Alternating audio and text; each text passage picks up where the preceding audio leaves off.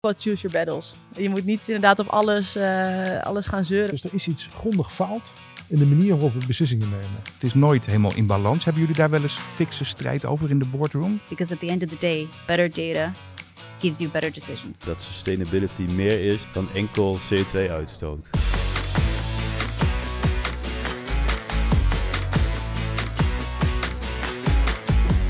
Harte welkom allemaal bij de vierde aflevering van Do the Right Thing, de podcast. Leuk dat je er weer bij bent. Mijn naam is Victor, ik ben de host van deze aflevering. En bij mij aan tafel, althans eigenlijk meer op de bank, zitten Jules, Shannon, Daniela en Ruben. Hallo allemaal. Uh, Ruben, welkom. Jij bent de CEO. Uh, hoe duurzaam ben jij? Dat is altijd heel lastig. Toevallig hebben Shannon en ik gisteren een hele discussie over gehad. Het is in ieder geval een echt heel belangrijk thema over jezelf je eigen duurzaamheidsinitiatieven waarderen, vind ik een ingewikkelde discussie.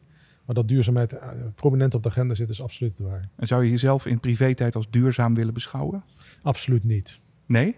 Nee, het, is echt nog heel veel te verbeteren. En, want je gooit wel eens iets in de verkeerde container, Kliko? Nou, je, je merkt dat je ermee bezig bent, maar om te, te claimen dat je volledig duurzaam bent, dan vind ik nogal, de, hoe meer je weet, hoe meer vragen je kan stellen over wat nou duurzaam is of niet. Maar je wilt het wel? Ja, ik, ik, zie de bittere noodzaak om dat te doen. Daar zit een interessant spanningsveld. Maar daar gaan we het straks uitgebreid over hebben. Heel goed. Uh, Gilles, jij bent uh, um, ja, eigenlijk een collega van Shannon qua duurzaamheid. Moet ik het zo zien? Ja, dat klopt. Um, bij het, uh, de Sustainability Excellence Workstream zit ik in het Our Customers gedeelte. Waar we kijken naar ja, wat kunnen we eigenlijk met, met onze klanten doen in de proposities. En binnen retail zit ik ook in het core team uh, wat we hebben binnen onze marktgroep voor, voor duurzaamheid. Dat klinkt heel interessant, maar wat betekent dat concreet in de praktijk? Hoe ziet jouw werkdag er anders uit dan die van anderen dan bijvoorbeeld? Uh, wat we vanuit de workstream doen is, uh, we zijn afgelopen jaar langs alle proposities gegaan om te kijken wat de duurzame waarde ervan is en hoe we die misschien beter kunnen inzetten. Um, ja, en, en beter inzetten en, en soms ook kijken van ja, wat kunnen we anders doen? Nou, daar gaan we het uitgebreid over hebben. Uh, Daniela, welcome. Daniela Orlandi, you speak English. Um, can you tell us what does a business developer sustainability retail do? How, what does your working day look like?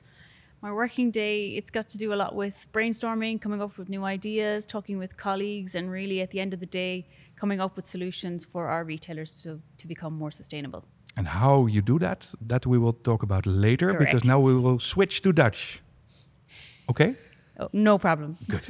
nou, kunnen we weer even Nederlands praten. Ja, want uh, het moet natuurlijk wel helder zijn waar we het over gaan hebben. Nou, dat kan niet anders dan dat het over duurzaamheid gaat. En een positieve kijk daarop, dat is uh, niet altijd het geval. Hè? Want het heeft soms nog wel eens een beetje een negatieve bijklank. Ik moet eerlijk zeggen, Shannon, als ik naar mezelf kijk... en misschien zijn er wel meer mensen die daar zo over denken... dan denk ik, als er op de radio weer eens iets over duurzaamheid is... oh, gaan we weer. Ik moet weer van alles, ik mag niks... Uh, het, is, het heeft toch een beetje ja, een, een, negatieve klank. Herken je dat? Ja, dat herken ik wel. Ja, Hoe is dat hier bij intern? Uh, ja, dat wisselt heel erg. Ik denk uh, af en toe dan kom ik aanlopen bij een groepje en dan uh, zeggen ze: Oh ja, laat het niet aan Shannon weten hoor. Want ik ben net met het vliegtuig teruggekomen van vakantie. En zeggen ze het dan en, met een glimlach of omdat ze zich toch een beetje schuldig voelen? Ja, ik denk beide. Ik denk dat het gebeurt altijd met een glimlach of een knipoog. dus het is allemaal niet te, zwaar en te serieus. Maar, maar in weet, iedere grap zit altijd een kern van waarheid. Dat is waar. Toch? Dus mensen zijn. stap 1 is dat mensen er bewust van zijn. En ik denk dat dat eigenlijk al een hele grote stap, stap is. En ja. hoe voorkom je dat je een beetje als brilsmurf die alles andere smurfen komt uitleggen hoe, het, hoe het moet te boek komt te staan? Ja, het is echt ook wel choose your battles. Je moet niet inderdaad op alles, uh, alles gaan zeuren wat mensen zeggen. Uh, of wat ze gedaan hebben. Dat, dat, heeft ook gewoon geen zin. Je moet gewoon kijken wat, me, wat, wat, wat mensen wel bijdragen. En um, op, op, de thema's inzetten die echt impact maken. Ja, want je laat dus ook doelbewust dingen liggen. Uh, nou, laten liggen is een groot woord, maar af en toe denk ik wel van nou, ik ga nu deze discussie niet aan. Even niet. Even niet. Nee. Ja, uh, jij hebt ook een beetje onderzoek gedaan naar wat de mensen hier bij NEDAP nou als een soort uh, droom hebben, hè, dat gebied. Kwamen daar nou hele grote dingen uit of, of, ook echt praktische kleine dingetjes? Ja, nee, we inderdaad de, de vraag hadden we uitgezet naar Nedappers van hey, wat is nou eigenlijk een probleem in de wereld wat jij graag opgelost zou willen zien en wat, in hoeverre kan jij daaraan bijdragen? Um, en eigenlijk wat je zag is dat de, de problemen die aangegeven werden, die zijn eigenlijk best wel groot. Dat zijn problemen als klimaatverandering of het voedselsysteem dat niet meer houdbaar is, de zorg die niet meer houdbaar is. Dat zijn best wel grote problemen. Um, maar tegelijkertijd. En jullie zitten natuurlijk ook wel in markten die daar een bijdrage aan leveren. Hè? Livestock, uh, koeien.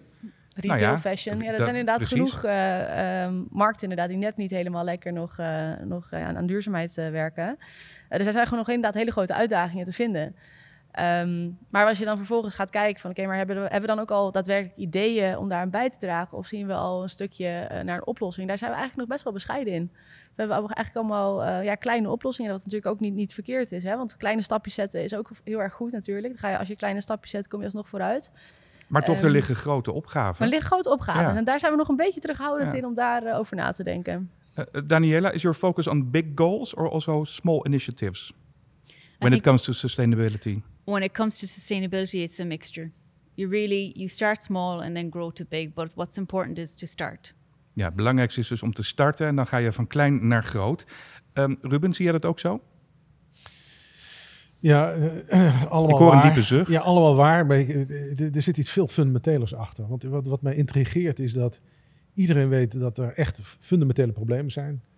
Kijk even naar al die bosbranden die er zijn.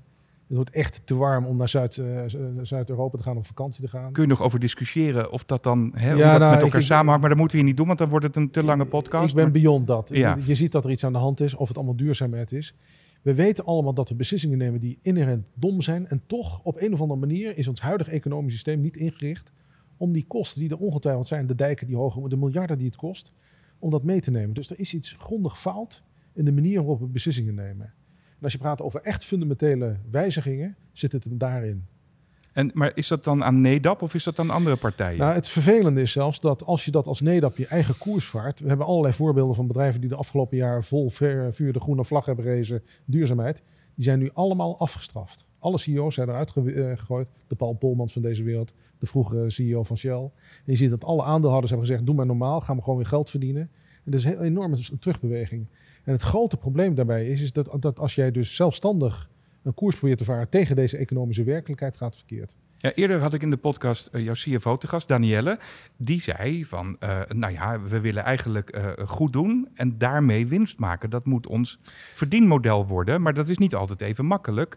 Ehm, ik hoor jou toch zeggen, ja, uiteindelijk gaat het toch weer om het geld. Zij zat meer een beetje Nee. daar middenin, Ja, tussenin. laat maar, Ja. want- want er zit Ja. een denkstop achter. Nu lijkt het net, je wordt afgestraft. Ja, je wordt afgestraft als je het naïef doet. En eigenlijk een van de dingen wat je doet, is in onze rekensommen die we allemaal maken, nemen we de echte kosten niet mee. Nee, dat is iets van de lange termijn. Op lange termijn krijgen we deze kosten gewoon op ons brood. Maar we zien dat we op heel vaak op korte termijn onze economische modellen niet in lijn zijn met echte kosten. Dus echte kosten doorberekenen, true kosten, dat is iets waar je mee bezig moet zijn. Onze ervaring is wel dat als je bedrijf eh, zeg maar, gewoon het groene vlag hijst en voor het thema vooruit voor de troepen loopt, word je vroeg of laat afgestraft.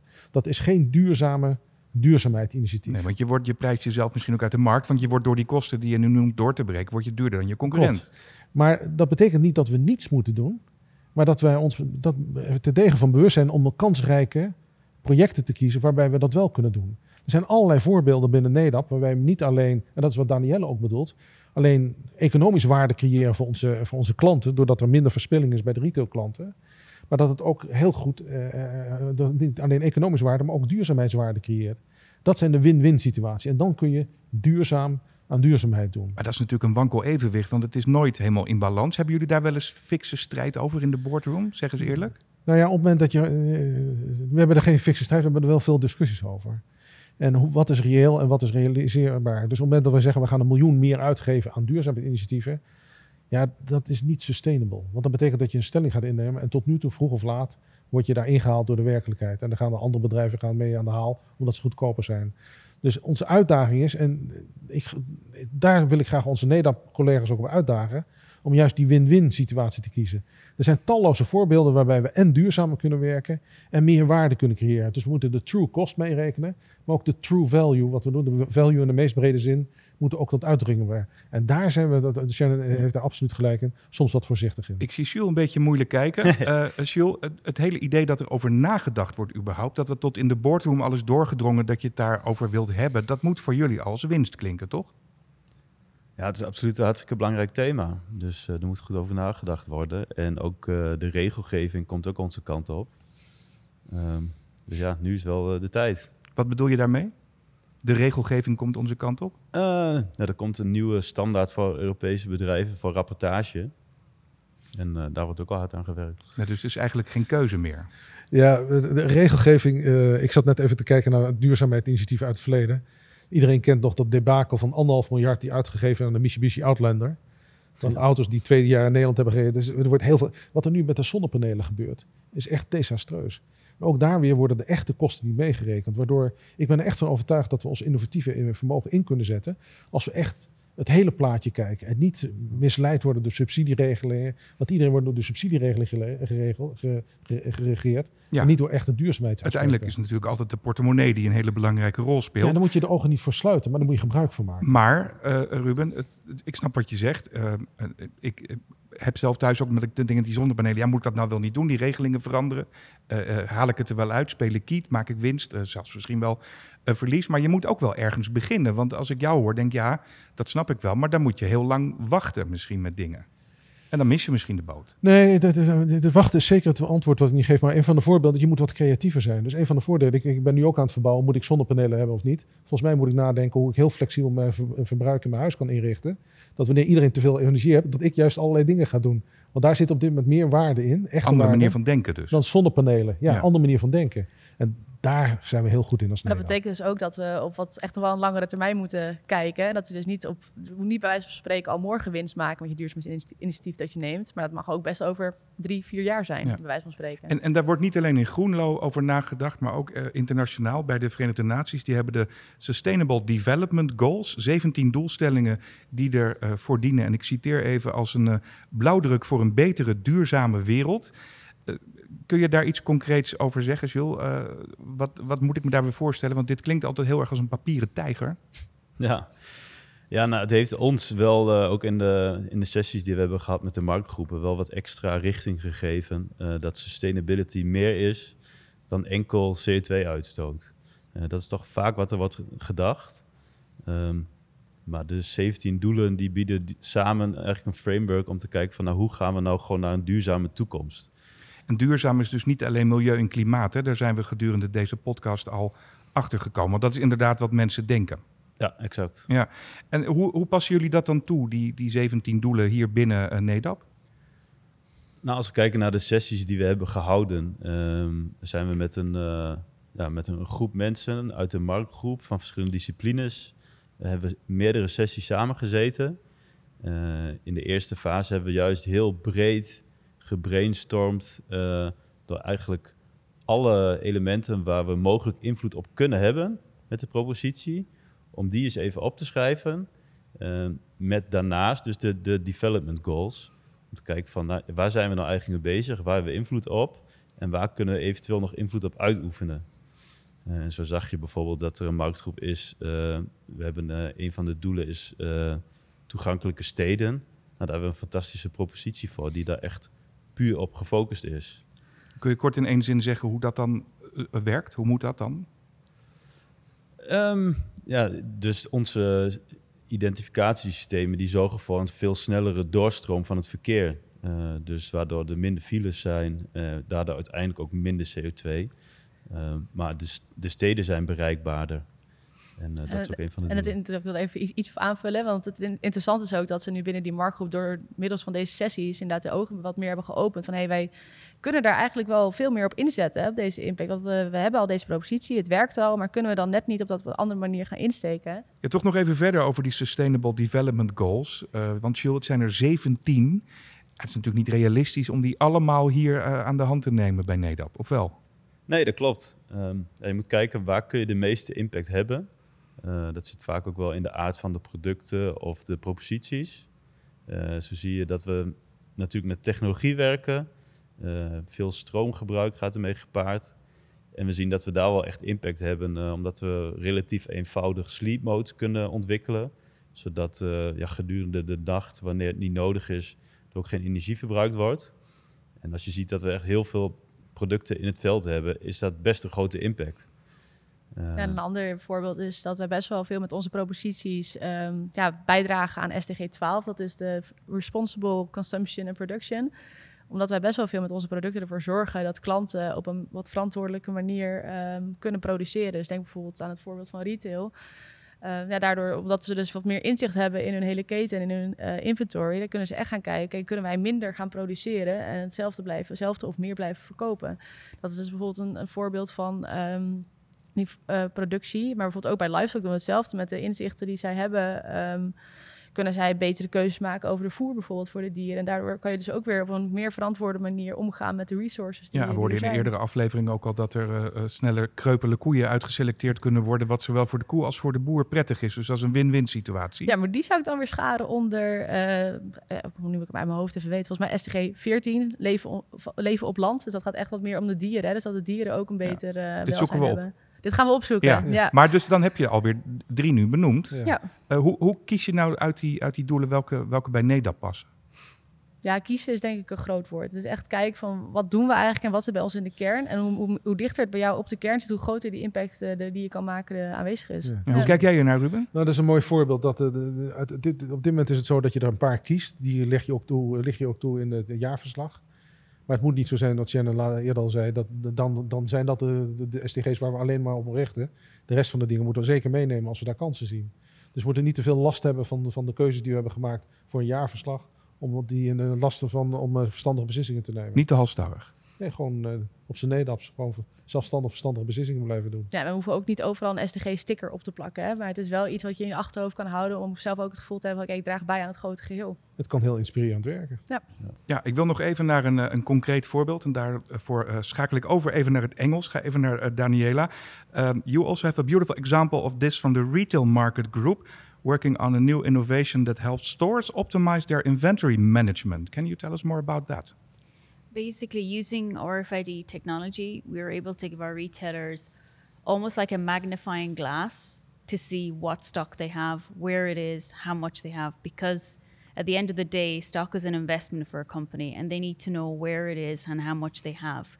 If we then apply that magnifying glass, we're able to, to kind of put a mirror in front of them and say, do we have too much? Have we overproduced? And this is where we want to help retailers make better decisions because at the end of the day, better data gives you better decisions.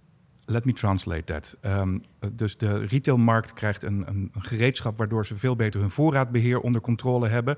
En met een vergrootglas kunnen zien uh, hoe het ervoor staat. En dat betekent een behoorlijke invloed uh, op, die, uh, ja, op die omgeving, op het milieu. Um, can you make that more concrete? How, how much does that is, the difference between the current situation and the new one? Thank you, thanks to the chip and the management procedures on stock. Um, I can tell you the old way because I used to work in the old way and that I was in the industry. Um, we had data that was incorrect. So I was the person sending stock and I didn't know if it was on the shop floor if, or if it was in the stock room. And that's one small element that RFID gives you. It tells you exactly where the stock is because if the stock was in the stock room, I would have made a different decision. I wouldn't have sent the stock to a store to overstock them so that they end up in a health and safety situation. So And that, is means just less one element. production and less transport movement. Correct. Yeah. Giving that visibility, you're going to make better decisions. I know if I had that technology, I would have made different decisions. Ja, Moet dus betere beslissingen eh, Ja. op het gebied van voorraadbeheer. En dat scheelt dan eh, vervoersbewegingen, maar ook eh, productie die niet nodig is. You made some estimates about that. It's not small beer. It's really significant. It's like 5, 10 to 15 percent of the total manufacturing uh, uh, garments being manufactured, which are not needed. There's Een a groot huge- verschil, a big Ja. impact. Absolutely. Yes. Very big. And is this project still developing? Are you making bigger uh, uh, results currently? Well, it is currently in development, and considering I was the one making the decisions, what we want to do is give um, allocators, planners, and buyers, the people who make the decision on how much is bought, we want to give that same visibility to them so that they can make better decisions. Because at the end of the day, they're at the beginning of the chain, not at, not at the end. Betere besluiten dus aan het begin van de keten. Uh, thank you for your cooperation, uh, Daniela Orlandi. Hoe pak je dat nou aan? Want jij zit helemaal bovenaan in die, in die boom. Ehm, Goh, wat zit je in paradigma's vast? Bovenaan de boom en nou, ja, dat, nou ja, maar toch, het, het ligt op je, Nou ja. jij bent verantwoordelijk. Uit, de eindverantwoording ligt bij jou. Nou ja, we, we hebben wat, wat, eh, wat Jules al zei, eh, krijgen te maken met allerlei regelgeving. Daar ben ik niet altijd even enthousiast over. Nee. Maar dat kan in de weg zitten van verstandige beslissingen. Ons uitgangspunt is dat we binnen Nederland verstandige beslissingen willen nemen. En het grootste doel dat wij als directie hebben, en of directie align met die meer mensen, hoe kunnen we ervoor zorgen dat binnen Nederland mensen verstandige beslissingen kunnen. Want iedereen wil eigenlijk het verstandige doen. Dat betekent dat we een aantal dingen voor elkaar moeten doen. Dat we tussen de oren krijgen dat we dingen op de, wat Shannon net vertelde, op de langere termijn moeten bekijken. Ik ben niet geïnteresseerd in een resultaat binnen een jaar. Ja, het zou mooi zijn. Maar uiteindelijk als het over vijf tot tien jaar meer impact heeft, dan, dan doen we dat graag. Ik, we, moeten ook reëel zijn. Dus op het moment dat we ons hele eigen koers los van de economische realiteit doen, dan, dan houden we dat niet vol. Maar wat Danielle net vertelde over die, dat we, de win-win situatie. Dat we en voorkomen dat er eh, spullen worden geproduceerd die niet nodig zijn. Dat ook economische waarde heeft. Ja, dan heb je een winnaar in de handen. Ja. En, en als wij dus Want die retailer is er natuurlijk ook blij mee, want die maakt veel minder kosten. Absoluut. Ja. Dus dat is een win-win situatie. En als we in staat zijn, op een van de voorbeelden die we nu hebben gedaan, we hebben een dashboard gemaakt, waarbij je alle producten kan kijken wat de impact is op, op, op eh, 16 verschillende dimensies. Dat als je daarnaar kijkt en dat je een product maakt, bijvoorbeeld energiegebruik is belangrijk, wat s'nachts uitstaat, dan is dat niet alleen beter voor het milieu, maar heeft het ook geldwaarde. En er zijn talloze voorbeelden binnen NEDAP die we nog laten liggen. En Ja. het lijkt me verstandig dat mensen zelfstandig in staat kunnen zijn om die afwegingen te maken en die keuzes te maken en ook acties te nemen. En, en Jules, die dingen die nog blijven liggen, speel jij daar samen met Shannon een belangrijke rol in? Om dat op te lossen of aan te pakken? Het wordt wel opgelost in de marktgroepen, maar wij zijn wel degene die er wel achteraan lopen, inspireren en meedenken met ze. Maar je hebt dus nog een hoop te doen. Inderdaad, als je eh, keuzes moet maken die een eh, afweging moet meenemen die je in het verleden niet hebt meegenomen, ja, dan moet je wel eh, die kennis moet je wel krijgen. En je moet wel die knop vinden van hé, hey, ik moet ook aan duurzaamheid denken in mijn keuzes. En ik denk dat wij daar als duurzaamheidsteam wel echt een grote rol in hebben. Van hey, even de ogen openen. Van hey, denk, neem dat mee. En in jouw, jouw discipline of in jouw discipline moet je, kan je hier aan denken als je Ja. keuzes maakt. En daar hebben we wel echt een belangrijke rol in. Worden mensen daar ook op beoordeeld, eigenlijk op afgerekend, om het een beetje negatief te zeggen, zo bedoel ik het niet, maar dat ze dat echt mee moeten nemen, die Nou, het wordt wel gezien als eh, een extra prestatie als er iemand en en en duurzaam, duurzaamheid, eh, eh, met duurzaamheid bezig is. Er zijn talloze voorbeelden waarbij bijvoorbeeld de poortjes s'nachts worden uitgezet.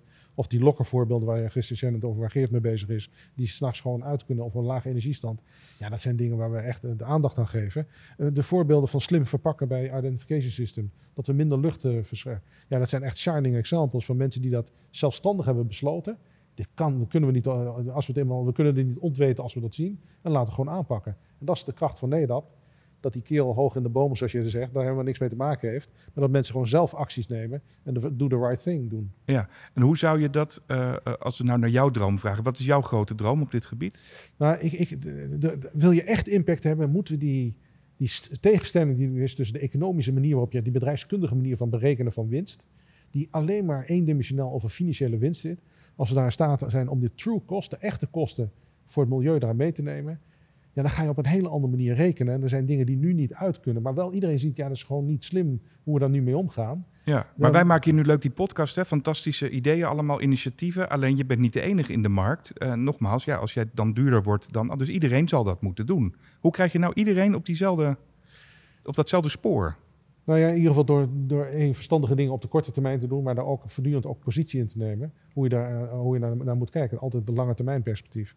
Maar er zit ook iets in die duurzaamheid over dat uiteindelijk wil je een, mooi voorbeeld is de healthcare markt. Waarbij we niet alleen vandaag en nu zitten kijken hoe we daar waarde creëren. Maar ook een markt, eh, willen wij zorgen dat we een duurzame relevantie hebben in de markt, moet die markt wel blijven bestaan. Dus we hebben ook verantwoordelijkheid om te zorgen dat wij de zorgmarkt in dit geval haalbaar, eh, houdbaar te maken. En dat betekent dat we soms dingen doen die misschien op korte termijn niet economisch misschien de meest win- winstgevend zijn, maar op lange termijn wel verstandig is. Een voorbeeld is dat, dat Karen, ons eh, zorgportaal, mantelzorgportaal, waar we geen financieel model voor hebben. We weten alleen dat het, willen we de zorgmarkt houdbaar maken en zullen we iets op, met het gebied van mantelzorg moeten we doen. Dat is de reden waarom we al 10, 15 jaar in investeren. En dat is ook duurzaamheid. Dat is absoluut duurzaamheid. Tot slot, Shannon, want we zijn aan het einde gekomen van deze vierdelige serie podcast. Eh, het vuurtje is nu misschien een beetje aangewakkerd. Nou moet er nog echt nog meer concreet worden gedaan. Hè? Dat, dat horen we hier steeds terug.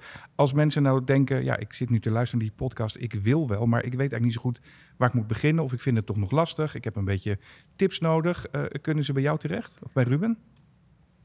Ehm, ja, ze kunnen altijd inderdaad bij ons terecht, bij, eh, bij het duurzaamheidsteam. Dat is natuurlijk geen enkel probleem. We, we, we zijn allemaal wel te vinden op kantoor en, eh, en via de mail.